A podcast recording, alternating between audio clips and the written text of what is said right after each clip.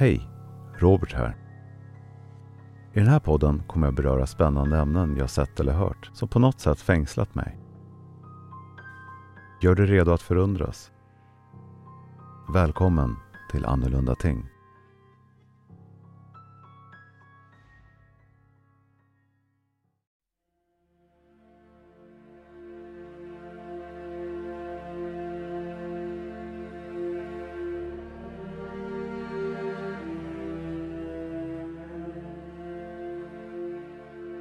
Det råder hungersnöd. Befolkningen svälter och gör vad som helst för att stilla sin hunger. På ett torg jagas en man av flera poliser. Han orkar inte springa särskilt långt. Åskådare ser på när han till sist brottas ner och grips.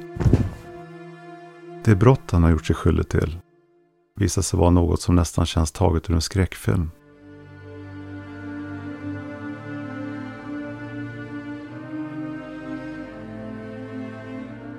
Han ska ha mördat sin vän, huggit av hans huvud och sålt kroppen på en gatumarknad till en lokal restaurangägare för att göras till diverse maträtter på menyn.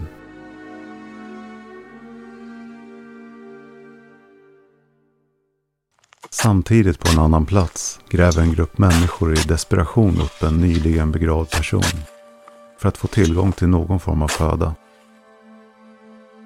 Ett mörker har sänkt sig över landet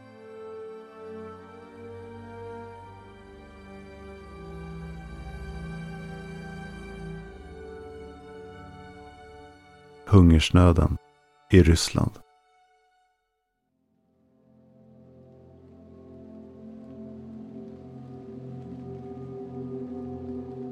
Vad tänker du på när du hör ordet kannibalism?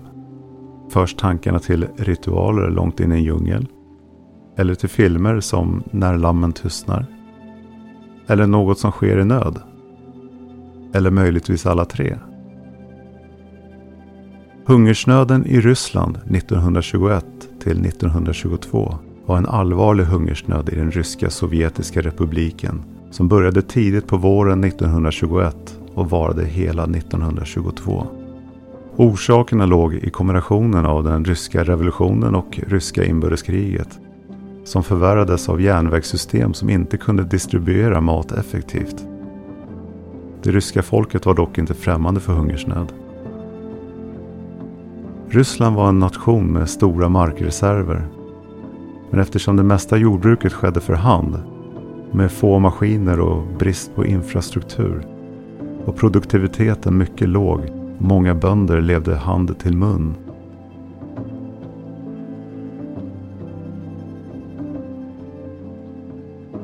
Det torra året 1921 förvärrade situationen till en nationell katastrof. Hungern var så allvarlig att man åt utsädet hellre än att så. Vilket förvärrade situationen än mer. Enligt officiell statistik drabbades 35 guvernement från södra Ural till Krimhalvön och södra Ukraina.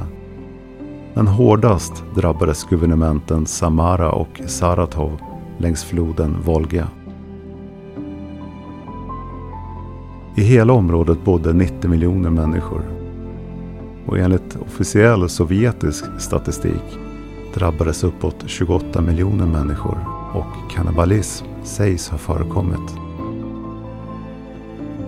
Utländska hjälparbetare som anlände till Moskva och Kiev 1921 möttes av gator fyllda med dussintals lik och människor som befann sig i stor svält. Men hur många dog i hungersnöden? Som under andra stora hungerkriser skiljer sig uppskattningarna stort. En officiell Sovjetpublikation i början av 1920-talet drog slutsatsen att cirka 5 miljoner dödsfall inträffade 1921 på grund av hungersnöd samt hungersrelaterade sjukdomar. Vilket också vanligen skrivs i läroböcker. Men Beroende på vem man frågar är dödssiffran alltifrån 1 till 10 miljoner människor. Konsensusen mellan historiker är dock att minst 5 miljoner ryssar dog av svält och sjukdom. Den siffran kan vara så hög som 8 miljoner. Vad åt man istället? Enligt biståndsarbetarna var situationen ännu värre på landsbygden.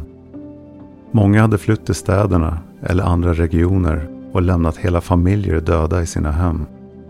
De som överlevde levde av allt ätbart de kom över. Allt från frön, ekollon, gräs, ogräs, bark till kadaver från självdöda djur samt människor. Regeringstjänstemän i en stad rekommenderade svältande invånare att gräva upp torkade ben från djur, mala dem till mjöl och baka ett brödersättningsmedel. Det skulle ha ett näringsvärde på 25% mer än rågbröd, trots dess obehagliga lukt och smak. Konsumtionen av dessa så kallade näringsersättningar dödar många. Liksom följande epidemier av sjukdomar som tyfus, smittkoppor, influensa, dysenteri, kolera och till och med böldpest. Förflyttningen av desperata och svältande människor hjälpte dessutom till att sprida dessa sjukdomar runt om i Ryssland. Mord och kannibalism. Svälten gav också upphov till fruktansvärda berättelser om mord och kannibalism liksom en eh, svart marknadshandel med mänskligt kött. Den verkliga omfattningen av kannibalism under den stora hungersnöden är okänd. Historiker har verifierat några källor, men många berättelser förblir dolda i dunkel. Några ryska akademiker forskade och katalogiserade exempel på kannibalism och likätande. Amerikanska hjälparbetare observerade också dessa beteenden. Kannibalism var vanligast längs Volgafloden i områden där svälten var som mest allvarlig. Svältande bönder observerades gräva upp nyligen begravda lik för deras kött. Anmälningar om mord eller avlivning följt av slakt och fester rapporterades också. En uppgift vittnar om en kvinna som vägrade lämna över kroppen av sin döda make eftersom hon använde den för kött. När dödsfallen ökade uppstod också en olaglig handel med mänskligt kött. Mängder icke beskrivet kött dök upp på marknader i ryska städer. En del utan tvekan mänsklig. Enligt uppgift skrev en hjälparbetare 1921 att föräldrar och syskon åt kropparna av döda barn. Hjälparbetaren skrev Familjer dödade och slukade fäder, mor och farföräldrar och barn Rykten om korvar beredda med mänskliga kroppar, trots att de officiellt förnekade detta, var vanliga. På marknaden bland råbarkade gatuförsäljare som svor åt varandra hörde man hot om att göra korv av en person. När vi på Annorlunda Ting researchade om detta ämne möttes vi av hemska bilder som sägs föreställa försäljare på en marknad vid ett bord fyllt av kroppsdelar. Andra bilder visar både kroppsdelar och likhöger.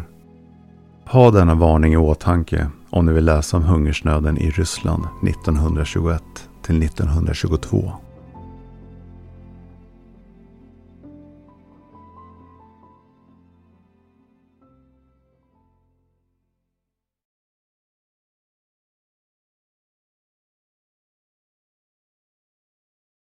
Tack för att du lyssnade på min podd.